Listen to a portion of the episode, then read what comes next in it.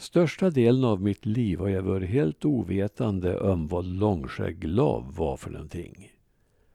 Men detta fick en ändring sommaren 2014 då jag la ner mycket energi på att finna den här långskägglaven som skulle vara något alldeles speciellt och som fanns i Sydsveriges rikaste förekomst just på Brannäsberget, kanske en kilometer hemifrån. Det vart sommarens stora forskningsprojekt det här. Följ med på jakten på långskägglaven. NVT den 25 oktober 2014. Jakten på långskägglaven. Så lyckades det till slut. Trägen vinner heter det, men efter tre fruktlösa försök var jag beredd att ge upp. Fjärde gången nådde jag målet och utan tvekan var det värt mödan. Det började för ett år sedan då jag fick ett mejl från Lars Efraimsson, en av mina trogna läsare i södra delen av Värmland. Han skrev något om en växt, en lav, som skulle finnas på Brannäsberget och som var mycket sällsynt. Jag har aldrig varit särskilt intresserad av lavar förutom dem vi gjorde mustascher av i pojkåren och trodde väl aldrig att jag skulle springa benen av mig för att få se en ovanlig art. Men den här utrotningshotade laven var alldeles speciell enligt uppgifterna jag fick. Så ovanlig att den skulle kunna bli ett signum för Nordvärmland, där den fanns i landets rikaste förekomst. Laven har fått namnet långskägglav eller långskägg och skulle växa på ett litet begränsat ställe högt uppe på Brannäsbergets nordöstsluttning. Till utseendet liknar den det glitter vi brukar pryda våra julgranar med och det finns de som menar att det är från denna lav vår sed att drapera julgranarna har kommit. Långskägget har fram till mitten av 1900-talet varit en ganska vanlig art i barrskogar från Munkforstrakten i Värmland upp till mellersta Norrland. Men det moderna skogsbruket har förstört många av de speciella miljöer där livsbetingelserna har funnits. Områden med vildmarkskaraktär har blivit allt ovanligare.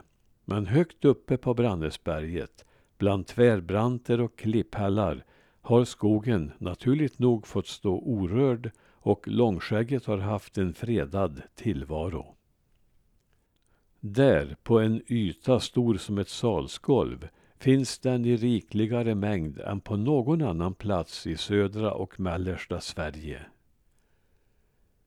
Min nyfikenhet var väckt och väckt var den pojke i mig som växte upp med böcker om indianer, om Robin Hood i Sherwoodskogen och om detektiver som löste de knepigaste fall. Jag satte mig i sinnet att hitta denna speciella växt, även om den gömde sig aldrig så väl. Från Lars Efraimsson fick jag anvisningar som visade platsen på ett ungefär. Jag fick koordinater men har ingen GPS så det blev ändå litet av att leta en nål i en höstack. Första vandringen följde jag vandringsleden norrut från toppen. Jag hade min fru i sällskap som biträdande GPS med baktanken att fyra ögon ser bättre än två. Vi följde vandringsleden halvvägs nerför berget med små avstickare uppöver bergssidan. Men de fyra ögonen räckte inte till, så vid nästa försök medförde vi dotter och två barnbarn, det vill säga tio ögon. Inte heller nu lyckades vi.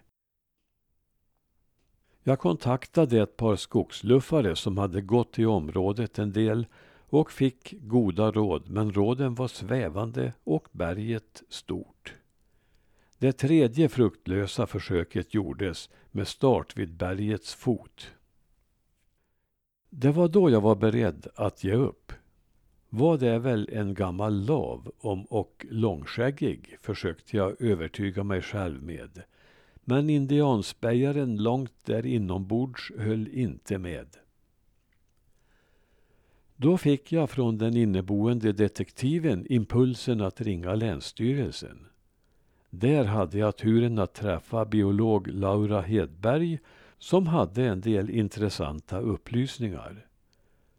Hon berättade att ett 29 hektar stort område på Brannäsberget helt nyligen i sistlidna juni hade förklarats som naturreservat.